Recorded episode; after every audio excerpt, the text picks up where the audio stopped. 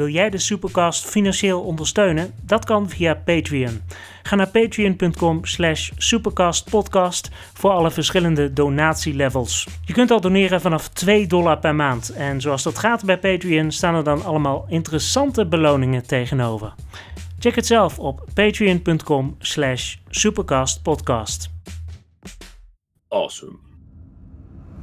Mijn naam is Mike van Dooyeweert en dit is de Supercast, een podcast over superhelden.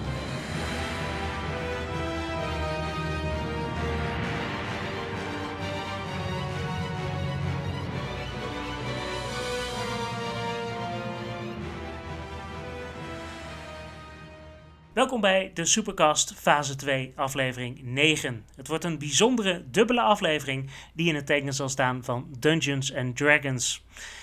En dat betekent dat Julia en de waarheid ook zullen worden omgezet in D&D personages. En met wie kan ik dat beter doen dan met Rick Vechel van Vechel Fantasy. Je kent hem misschien van de Audio Geeks podcast D Dutch, waarin hij je stap voor stap meeneemt in de wereld van Dungeons and Dragons. En mocht je nu zoiets hebben van, ja, maar wat is dat dan? Geen nood, want ik ga zo meteen uitgebreid met Rick in op zijn liefde voor D&D en wat het nu precies allemaal inhoudt. En uiteindelijk dus de vorming van Julia en de waarheid als D&D personages. Eerst is het tijd om Rick iets beter te leren kennen. Ja, Rick, in het dagelijks leven ben jij veel met Dungeons and Dragons bezig. En dan eigenlijk vooral als Dungeon Master. Dus eigenlijk uh, de spelleider, toch? Uh, ja, klopt inderdaad. Ik ben uh, eens kijken in najaar 2018 begonnen. Met D&D voor kinderen eigenlijk. Ik speelde zelf al sinds mijn 13 al Dungeons Dragons, inmiddels 17 jaar. En ik heb, op een gegeven moment heb ik een mix gevonden om dat te doen voor kinderen op een educatieve manier. En eigenlijk is dat uit de klauwen gelopen sinds toen, want sindsdien hebben we ook inderdaad andere groepen. We zijn bezig met een streamgroep met liveplay. Ik heb een paar one-shot avonden mogen organiseren en mogen uh, voorzitten als Dungeon Master. En uh, ja, dat, dat loopt echt te gek. Ook op de Audio Geeks Stay at Home Comic Con. Was ook super tof om daar gewoon met iedereen samen een character te maken. Dus ja, dat, dat eigenlijk. Dus er zit van alles bij, van vraagbaak tot nu die Dutch, met ook podcasts en video's over wat is Dungeon Dragons, maar dan in Nederlands. Want die boeken, ja, 300 pagina's Engels is niet voor iedereen even toegankelijk, zal ik maar zeggen. Dus dat eigenlijk voordat ik natuurlijk dieper induik op, uh, in, uh, dieper inga op jouw, jouw liefde voor D&D, is het misschien handig om, om het te hebben over wat het, wat het precies is voor de mensen die echt nog totaal geen idee hebben. Hoe, hoe leg jij altijd aan mensen uit wat Dungeons and Dragons is? Nou, eigenlijk op twee manieren. We hebben Dungeons Dragons, de fantasy role-playing fantasy game. Uh, maar het komt eigenlijk neer op een aantal spelers en een spelleider. Een spelleider die is de wereld, die doet eigenlijk alle NPC's, eh, de, de wereld, de monsters, de, de traps en dergelijke. En de spelers die maken hun keuzes om levend uit die wereld te komen. En dat gebeurt meestal in een fantasy setting, dus een beetje een high fantasy uh, Lord of the Rings-achtige settings. Uh, maar dat kan ook inderdaad in Star Wars settings, zelfs Harry Potter settings. En het is vooral de spelleider schetst een scenario, de speler zegt dit wil ik doen, en dan komt er een gekke dobbelsteen die zegt hoe goed dat lukt of hoe miserabel dat valt. En eh, ja, je hebt daar ook allemaal verschillende dobbelstenen, toch? Voor um, ja, verschillende acties en zo. Ja, klopt. De meeste gebruik je dobbelsteen met 20 zijdes. Uh, de D20, dobbelsteen 20 zijdes. Gelukkig geen hogere wiskunde. Um, dan heb je nog een D12, een D10, een D8, een D6 en een D4. En de D6 is voor iedereen als goed is bekend. En als goed heb jij er ook een paar klaar liggen. Uh, want dat is gewoon dobbelsteen met zes zijden die je vindt bij uh, ganzenbord, Mensen eigen je niet, Yahtzee en alle andere uh, standaard boardgames, zo gezegd. Ja, precies. De, de standaard uh, dobbelstenen, inderdaad. Welke gebruik je nu het meest doorgaans tijdens een spel? voor bijna alles gebruik je de D20 het allermeest. En dat heeft simpelweg te maken als jij een ability check moet doen of een, een skill moet uitvoeren of een aanval wil doen, is de D20 in principe de basis die wat de, de kans bepaalt of het lukt ja of nee. En de rest is vooral bedoeld om bijvoorbeeld hoeveel schade doe je, hoeveel geneeskracht krijg je uh, en meer de effecten zal ik maar zeggen. En uh, ja, daar komen we zo nog op in de voorbereiding natuurlijk ook om, je, om de punten, um, ik weet niet hoe ik dat moet noemen. hoe noem je dat in mooi Nederlands? de de uh, ability scores. Oh ja, de ability, de attributen noem ik ze. Die heb ik ook in een van de podcasts, oh, ja. die heb ik daar een uh, 10 minuten bij stilgestaan. Uh, we hebben een aantal bouwstenen bij Dungeon Dragons, de attributen. En dat zijn bijvoorbeeld kracht, behendigheid, vitaliteit, intelligentie, wijsheid en charisma. Uh, en dat zijn in principe de zes bouwstenen, de zes elementen waarin jij je kracht, een beetje de, de, uh, de taartdiagram met waar jij beter in bent of juist minder goed in bent. Zometeen gaan we natuurlijk uitgebreid in op de hele technische kant van, van um, Dungeons and Dragons als we uh, dieper ingaan op de personages. Maar ik ben eerst benieuwd, ja, wat, wat spreekt jou zo aan in D&D? In, in, in D&D? Wat, wat, wat heeft jou er ooit toe gebracht? Nou goed, wat mij ertoe gebracht heeft was, vader van een vriend van die had het en dat was een groot Warhammer leger, zeggen. En die had het gekocht, want die dacht, oh dat is tof. En eigenlijk vond hij er niet zoveel aan. En dan zette ik ze zo, kijk eens of je vrienden te vinden. En toen zijn we begonnen met versie 3 toen de tijd. We gaan vandaag bouwen trouwens een 5th edition, dat is een uh, toegankelijke editie. Uh, maar ik ben begonnen in 3rd edition. En ja, dat kwam eigenlijk neer. We waren allemaal gamers, we toen vooral met de Game Boy. En we keken altijd naar bijvoorbeeld Gundam Wing op, op woensdagmiddag. Um, en toen waren we op zondag gewoon nu begonnen met onze karakters. dwergen, half-orks, barbaren, genezers, noem maar op. En ja, dat, dat, dat was gewoon leuk. Dat was een creatieve uitlaatklep. En het was gewoon zo ja, heel tof om te doen. Ik heb toen, toen drie jaar samen gespeeld voordat de middelbare scholen zo moeilijk te combineren waren. Uh, maar ik heb het spel altijd nog, nog bij de hand gehad. En een jaar of acht geleden, weet mijn vriendin, wat nog steeds mijn vriendin is gelukkig, uh, het ook speelde. Dus toen ben ik weer een beetje weer terug ingekomen. En uh, wat mij het meest eraan trekt nu is gewoon de alles kan. Waar een computerspel zegt, deze deur is dicht en die blijft dicht, wat je ook doet. Dan zeg Dungeons Dragons, nou, kijk of je de deur open krijgt, of klop maar eens aan. En dat geeft gewoon zo'n interactief ja, een rollenspel eigenlijk. Waar ik echt mezelf in kan verliezen. En heel tof vind om ook daar de hele wereld in te bouwen en mensen in mee te nemen. Want heel eerlijk, als je ons ziet spelen en je zet het geluid uit, zijn het gewoon een paar mensen die wat aan tafel zitten, wat dobbelstenen gooien en zich helemaal bescheuren om van alles en nog wat. Of juist lijken alsof ze allemaal in een broek plassen van angst. Dat is echt wel uh, heel tof wat je met een paar dobbelstenen kan doen. Is het nu echt zo dat ook alles kan? Of heb je dan ook echt wel bepaalde regels als je uh, speelt? ja, in principe heb je natuurlijk wel altijd dingen die het wel en niet kunnen. Uh, je wilt een berg splijten met je blote handen. Nou, dat, dan ligt de difficulty class, de drempelwaarde ligt dan zo hoog. Uh, dat lukt je waarschijnlijk niet. Maar je hebt wel een zekere vrijheid om te doen en laten wat je wilt. Uh, natuurlijk wel in overeenkomst met je spelers. ik heb bijvoorbeeld ook bijvoorbeeld bij kindersessies. Er zijn er hele andere regels dan bij volwassenen sessies. Er zijn bepaalde thema's waar ik dan gewoon niet aanga. Ongeacht wat kinderen denken tot ze kunnen, kunnen uitvreten op zo'n moment. Uh, maar bij volwassenen ook van tevoren heb je sessie 0. Dan ga je gewoon kijken welke thema's willen we wel en niet doen. Wat, wat voor kant willen we onze groep op? Uh, een van de dingen bijvoorbeeld waar ik altijd heel erg tegen ben is player versus player. Want aan tafel is dat nooit gezellig. Uh, ik probeer s'avonds om van bij een bevriende partijgenoot wat te pikken. Ja, dat gaat s'morgens alleen maar gedoe opleveren. Um, en dat doet ook gewoon de groepsdynamica geen goed in zo'n gevallen. Dus dat is bijvoorbeeld een van de dingen die ik standaard zeg. Dat gaan we gewoon niet doen. En voor de rest laat de spelers me meestal gewoon verrassen.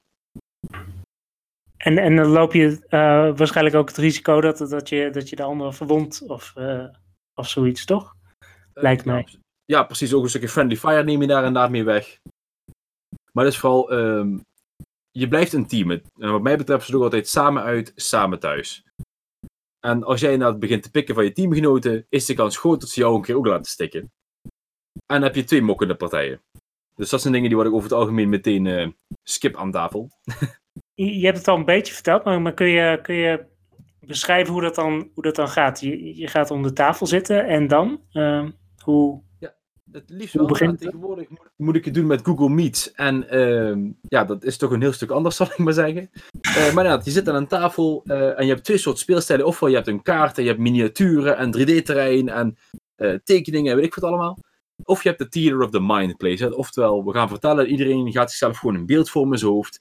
En je bent in principe gewoon in een fictieve wereld met elkaar aan het kletsen. Uh, zelf gebruik ik over het algemeen miniaturen, want ik vind het heel fijn om een overzicht te hebben op de kaart. Dus je zit met z'n allen om een tafel.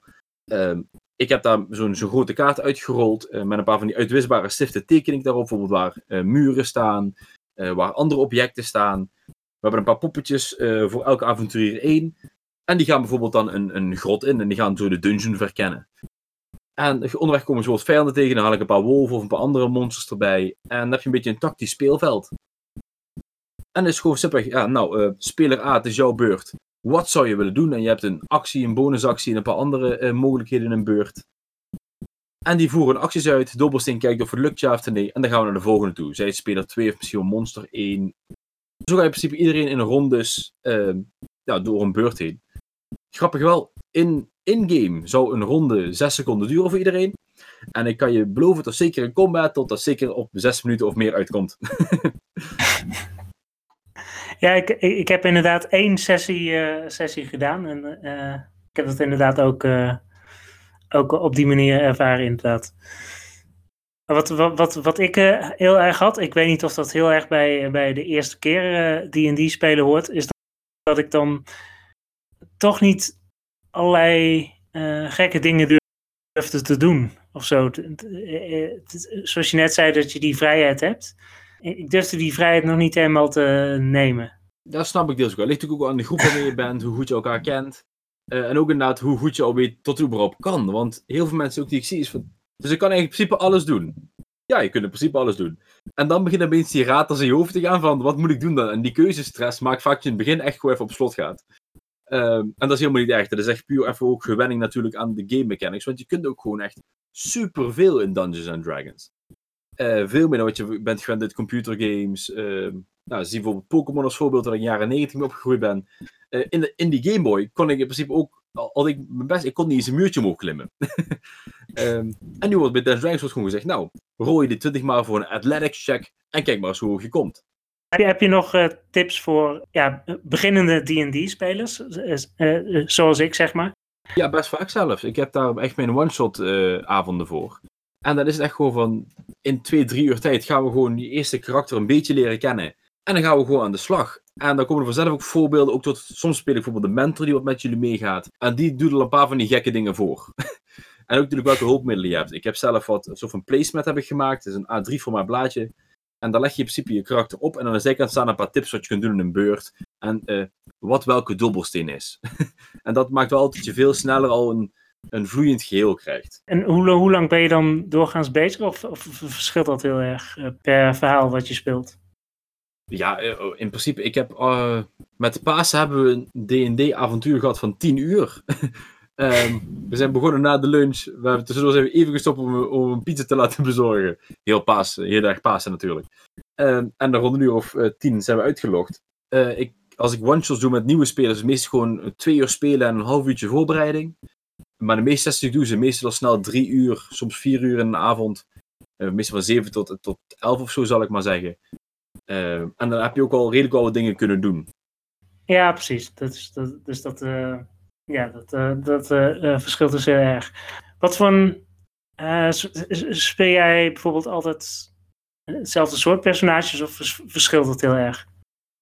Ja, ik moet bekennen, ik ben al een hele lange tijd zelf geen speler meer geweest. Oh ja, jij bent natuurlijk Dungeon Master. Ja, dus ik moet wel bekennen dat ik over het algemeen genomen zelf Dungeon Master ben. Dus ik heb in principe keuze over allerlei NPC's en monsters om zelf uit te kiezen. Um, en ik vind het rollenspelaspect ook wel heel erg leuk. Maar als het gaat om welke uh, type avontuur, welke class ik het leukste vind. Ja, bovenaan staat de Bard, de minstreel. En dat is wel, ik heb altijd wel een voorliefde voor uh, karakters die um, een beetje een mannetje van alles zijn. En als ik dan al iets specifiek wil doen, dan ga ik meestal naar een front in die krijger toe. Dus ik zit heel vaak tussen de fighter, de paladin en de, uh, en de bard in lekker frontline uh, spelen, met teamgenoten kunnen helpen, inspireren, kunnen uh, ondersteunen op een of andere manier. Uh, dat is de rol waar ik mezelf het meest prettig bij voel als ik als speler het veld mag betreden. Ja, ik, ik snap op zich die liefde voor de Bard wel. dat vind ik zelf ook altijd heel aansprekend. Maar wat, wat spreekt jou erin aan?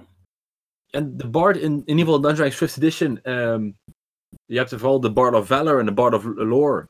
En dat zijn echt nou, eentje is wat meer richting magie gericht. Dus hoe kan ik nog meer halen uit mijn uh, magische kunnen? In dit geval via een muzikaal talent heel vaak. En je hebt de uh, Bard of Valor die gewoon zegt: um, Ik ga naar de frontlinie toe en ik inspireer anderen. Waardoor ik zo kan helpen om nieuwe dingen te bereiken. Dus toch een beetje de begeleidende rol, zal ik maar zeggen. En hetzelfde ook jij mee te maken hebben. Dat ik zelf een, uh, een hobbymuzikantenachtergrond heb. Ik ben ook lekker een headbang en een bar aan het maken op dit moment. Gewoon als NPC voor een keer te gebruiken.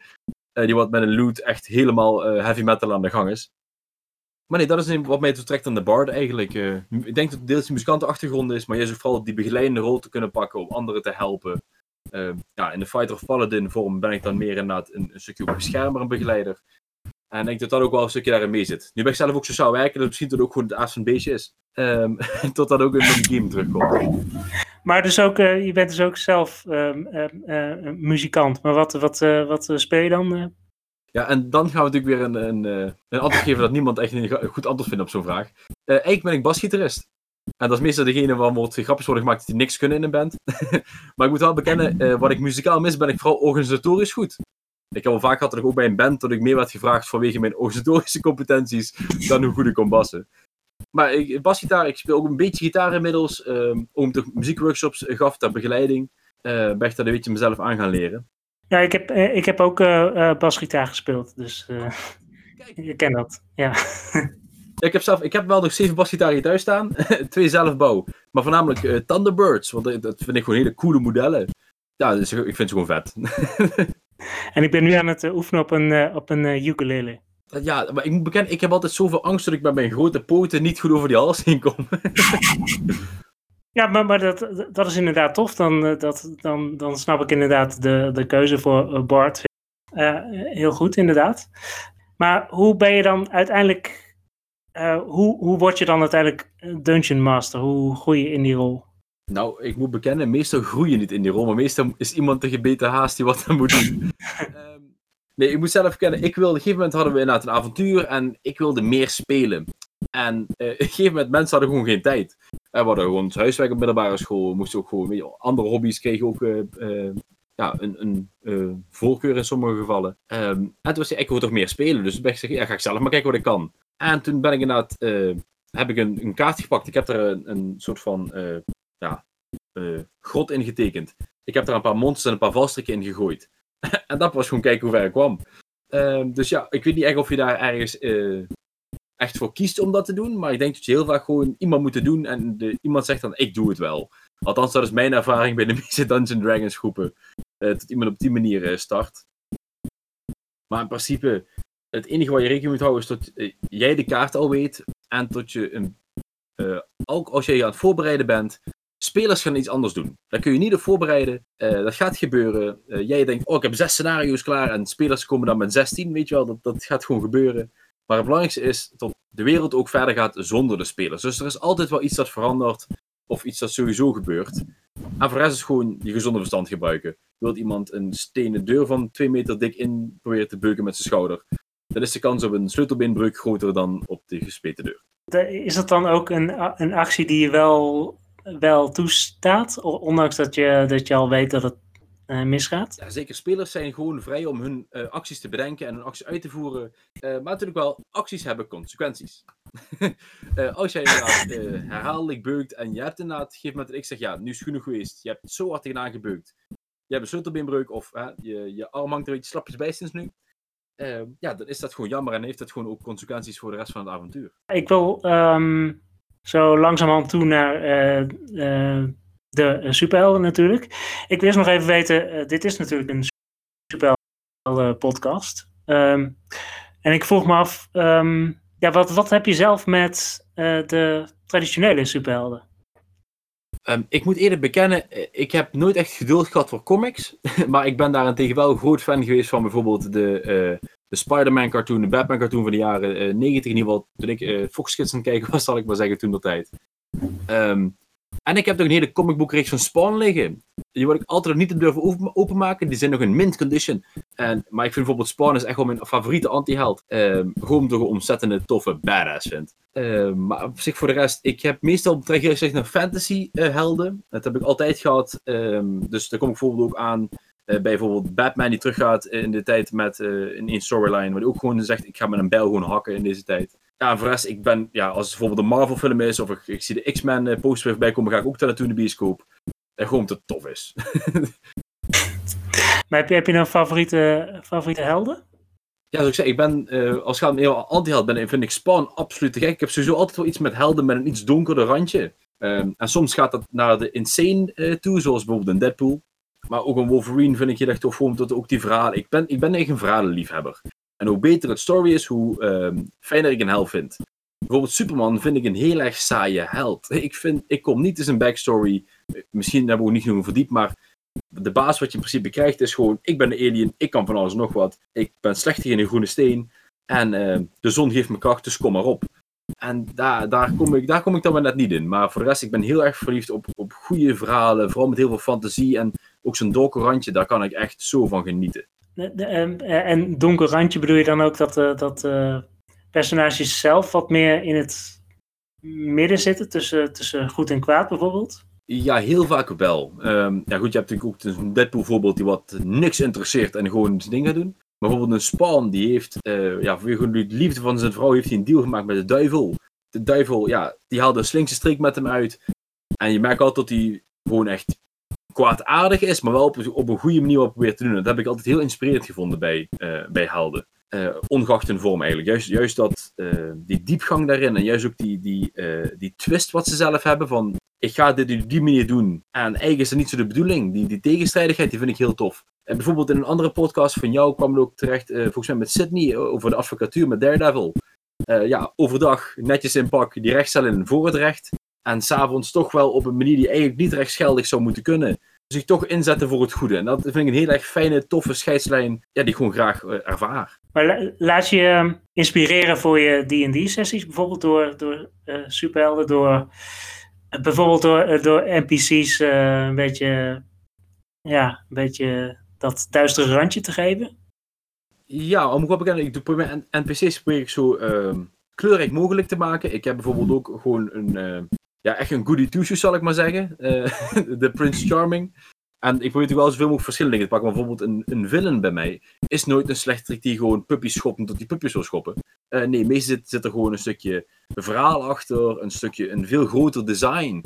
Dan alleen maar, ik ben een grote badass, kijk mij hier gaan. Want dat, dat zijn gewoon hele saaie bazen eigenlijk, hele saaie mensen. Zijn er manieren waarop je laat laat inspireren, bijvoorbeeld? Uh, nog nog uh, andere manieren waarop je laat inspireren tot uh, ja, het ontwikkelen van per personages, verhalen. Waar, waar, waar put je uit, zeg maar? Um, ja, put ik uit. in sommige gevallen is het gewoon bijna plagiaat. bijvoorbeeld de Flynn Rider die wat ik gemaakt heb tijdens de Stay at Home Comic Con.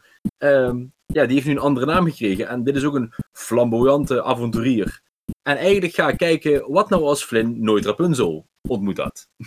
Hoe zit het met zijn doelen om rijk te worden op een eilandje helemaal alleen? Dus ik pak bijvoorbeeld wel uittastend een element en ik kijk gewoon, ja, wat waren nou gebeurtenissen uh, en wat nou als die anders waren? Zij word ik ook heel sterk bijvoorbeeld uh, in sommige dus gewoon soms wordt gezegd. Um, dit had heel gemakkelijk omzeild kunnen worden, maar door bepaalde keuzes of gebeurtenissen uh, held gewoon een bepaald iets van kennis of dergelijke. En daar komen weer heel andere verhalen uit. En vooral, daar is ook wel een beetje moeite met comics altijd. Uh, ik kreeg ze niet snel genoeg. Uh, dus mijn hoofd was al verder aan het gaan. Wat gaat er gebeuren? En ik kon mezelf niet bedwingen om dan netjes in een, een normaal tempo mee te lopen. Maar nu ook als ik bijvoorbeeld een, anime of iets op Netflix kijk of wat dan ook, heb ik ook zoiets van, oh, ik kan iets met, met dat verhaal. Ehm, daar zit een, een persoon achter in plaats van ehm, ja, gewoon een, ja, opvulling, zal ik maar zeggen. Nu ga ik ook niet inderdaad elke shopkeeper een hele persoonlijkheid en opbouw geven. Maar bijvoorbeeld sommige NPC's wat, uh, wat vaker terugkomen, die krijgen nog steeds meer en meer body. Die krijgen steeds uh, eigen persoonlijkheid. Die krijgen veel meer een, uh, hun quirks, hun flaws, hun trekjes, dingen waar ze verbonden zijn, dingen waarvan ze houden. gewoon om dat ook net wat meer echt te maken.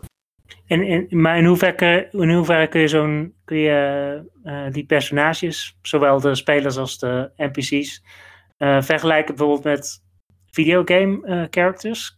Is dat redelijk hetzelfde of probeer je juist wat meer diepgang te zoeken?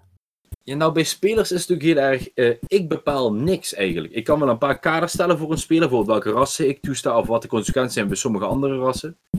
Um, maar eigenlijk moeten zij gewoon hun ding kunnen doen. En ook 5e heeft een uh, flavor waar je heel veel mee kunt doen. Daar komen we daar nog ook terug als Julia wat meer uh, vorm gaan geven. Um, maar bij spelers doe ik echt niet zo vreselijk veel daarin. Maar voor de rest, um, in computergames zijn heel vaak NPC's kun je bepaalde dingen mee doen. En juist dat is bij D&D een stuk vrijer. Je kunt inderdaad tien keer met een White Rune Guard spreken tot hij zegt I took an arrow to the knee. En die zegt ook niet veel meer dan dat. Maar ik heb bijvoorbeeld, bijvoorbeeld Captain Valuis.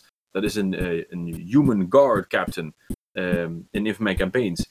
En die man is echt gewoon een, um, iemand die continu gerechtigheid zoekt. En wat de spelers mij niet weten, tot ze misschien deze podcast luisteren, dat hij ook gewoon dat doet omdat hij simpelweg in een familie komt waar het altijd over de scheef ging. Dus hij van vroeger is echt afgezet tegen zijn familie en daardoor is hij die rechtvaardigheid op gaan zoeken. En de spelers nu, die hebben hem een paar keer leren kennen terwijl die moorden op het lossen is. Uh, om, en die, waar hij echt ook boos in kon worden als uh, bijvoorbeeld spelers niet serieus nemen. Of weet je wel, heel erg gaan treuzelen om bepaalde dingen te doen. Dan komt gegeven bij de jongens, wat zijn nu aan het doen? En dan zit daar opeens een heel stuk meer passie en verhaal achter. En dat zou ook in een computergame nooit echt, denk ik, ja, ligt nog een beetje aan artificial intelligence, maar ik denk dat we op dit moment nog niet op een uh, digitaal speelveld zijn waarin dat mogelijk is.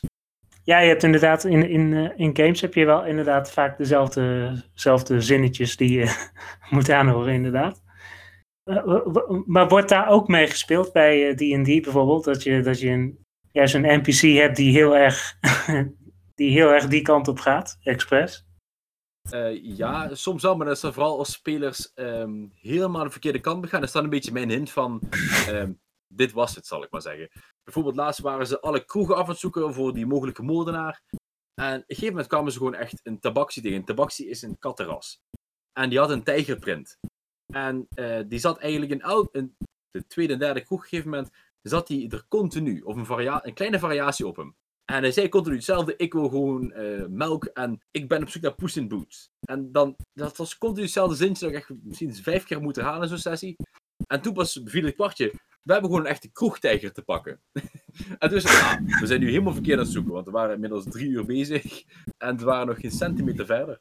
Dus ik gebruik het vooral als een soort van comedic relief om ze weer een goede kant op te sturen. Maar ik probeer meestal daarvan weg te blijven. Juist om ook voor de spelers een wereld te creëren waar het echt dat wow-effect ervan uitkomt. Van, ja, we zijn nu even echt in bijvoorbeeld Waterdeep, Neverwinter, Hignas of een andere zelfbedachte ofwel bestaande stad. Zometeen uh, gaan we natuurlijk uh, uitgebreid in op uh, Julia en de waarheid als D&D-personages. Ik vroeg me eerst nog af, hoe, hoe normaal is het om, zeg maar, niet D&D-personages, om daar Dungeons and Dragons personages van te maken? Om, om echt zo'n formuliertje in te vullen voor bijvoorbeeld, nou, uh, noem een bestaande superheld. Hoe, hoe normaal is dat om te, te doen? Ik de, ja goed, natuurlijk, eh, elke tafel, elke spelgroep heeft zijn eigen inzet en eigen aanpak, zal ik maar zeggen. Maar het is natuurlijk wel zo, Dungeon, als jij bijvoorbeeld een, een superheld pakt zoals Thor, um, die kunnen al heel erg veel. En als jij level 1 begint, um, ben je in principe net beter dan een boer. je hebt in principe net je cursus uh, zwaardvechten gehad en je gaat de wijde wereld in. Dus ik moet wel bekennen dat daar wel wat verwachtingen zitten bij spelers. Want ik heb ook wat nieuwe spelers die wat dan een of andere anime helpen proberen na te maken. En ook denk ik dat ze dan eentje een heel Legion Guards kunnen slachten op level 2. Ja, en dan komen ze niet van de koude kermis thuis. Ik merk wel dat, dat je wel merkt dat mensen zeggen: ik zou graag een soort van held willen, zoals bijvoorbeeld een Captain America. Of juist wat meer richting bijvoorbeeld uh, Natsu Dragneel van. Uh, ik ben naam van anime even kwijt. Uh, maar dat is wel meestal uitgelegd, jongens, dat is wel een pad wat je pas op een later level bereikt. En dan pas ga je die die toffe krachten krijgen waar je echt denkt, ja, ik, ik, zit nu in dat, in dat speelveld. Maar ik denk stiekem tot een groot deel van de karakters die gemaakt worden, niet origineel zijn. en dat is ook helemaal niet erg, want je moet ergens uitputten. En vaak merk je als spelend dat je toch zelf je eigen twist eraan geeft. Wat je net zei, dat, dat, uh, dat heb je ook in een recente podcast uh, verteld. Dat, dat mensen soms komen aanzetten met hele, hele en allemaal superkrachten die de personages zouden, zouden, zouden kunnen en zo. Nu is het zo natuurlijk dat Julia en de waarheid al, al flink wat verhaal hebben. Hoe, hoe makkelijk is het dan om daar Nou, ik moet bekennen, ik heb, hem, uh, ik heb even alle uh, podcasts geluisterd om een goed beeld te krijgen hoe Julia, Julia ook gegroeid is, zal ik maar zeggen, in de podcasts. In principe uh, kun je het met het volgende bekijken, want um, je bent geboren, je bent opgevoed, je hebt een normale baan. eigenlijk is dat allemaal nog background voor je karakter. En je kunt dan wel een grote backstory hebben, maar de vraag is inderdaad, wat heb je al gedaan in deze backstory? bijvoorbeeld, als ik het even goed begrepen heb uit een van de podcasts, in het begin is Julia nog wat, wat molliger. En dan moet ze eigenlijk nog beginnen met een superhelden bestaan. Het is een beetje bang een zak zitpleeg te eten. En dat is natuurlijk wel een heel leuk beginpunt. Om te zeggen, hey, vanaf daar is ze gaan trainen. En ze heeft haar eerste ding geprobeerd. En dat is haar level 1. Dan kom je op een hele natuurlijke manier terecht bij een van de classes uit uh, Dungeons and Dragons. In het geval van de waarheid, uh, deze man is wat ouder, heeft meer levenservaring, heeft ook een hele ja, toch gewoon leger commando, commando-achtergrond, zoals ik heb mogen begrijpen. En die kan bijvoorbeeld wel op een hoger level al starten dan Julia dat in principe doet. Ze hoeven niet meteen aan het begin aan elkaar gewaagd te zijn, want dat is ook een superhelden natuurlijk. Soms zijn gewoon bepaalde bossen zijn gewoon in het begin veel sterker of veel verder in hun plannen dan die beginnende superheld. Dan is natuurlijk een pad hoe jij je gaat voorbereiden om tegen die, uh, ja, de slechterik, de nemesis, uh, om daar uh, tegenaan te gaan. Dat je ook een pad moet wandelen voordat je op dat niveau bent. bijvoorbeeld in eentje kwam ook naar voren toe, misschien heeft de waarheid wel wat, wat mechanische onderdelen of bepaalde hulpmiddelen, zal ik maar zeggen. en soms zijn dat ook gewoon ofwel bepaalde abilities die terugkomen, misschien wel gewoon bepaalde ja, magic of technical items in dat opzicht, die wat gewoon hem die voorsprong geven op een held, waardoor een held zegt, oh, ik moet eerst kijken hoe ik daar iets tegen verzin. Bijvoorbeeld uh, een taser om een, een soort van short circuit te krijgen bij de enemy. Ik denk dat we nu langzaam naar het punt gaan dat we uh, Julia en de waarheid als D&D-personages eh, gaan, uh, gaan, gaan maken. Um, ik ga eens even koffie halen. Vind ik een geweldig plan. Ik ben ook fan.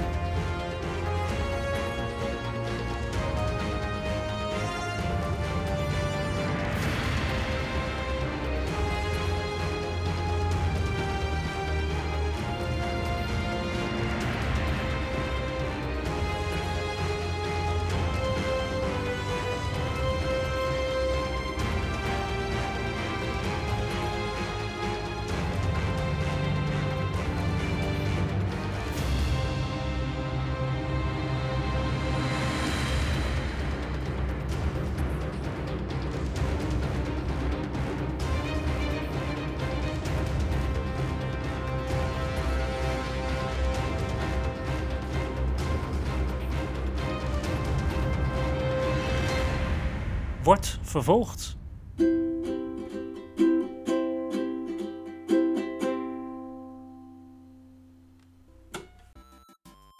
Je hebt geen elektrische tandenborstel met 3000 settings nodig. Laat staan ademend ondergoed of een matras met memory foam. Nee, het enige wat jij nodig hebt in deze tijden van binnenblijven is een podcast van AudioGeeks. Check audiogeeks.nl voor onze Geek Podcasts. Zo heb je Shay Geek of Geekers op je speakers voor gesprekken over allerlei geek-onderwerpen. Of de podcast met een meer specifiek thema, zoals Cinema Coda, Crippled Crisp Review, D Dutch, De Spokenjagers en de Supercast. Check het nu op audiogeeks.nl.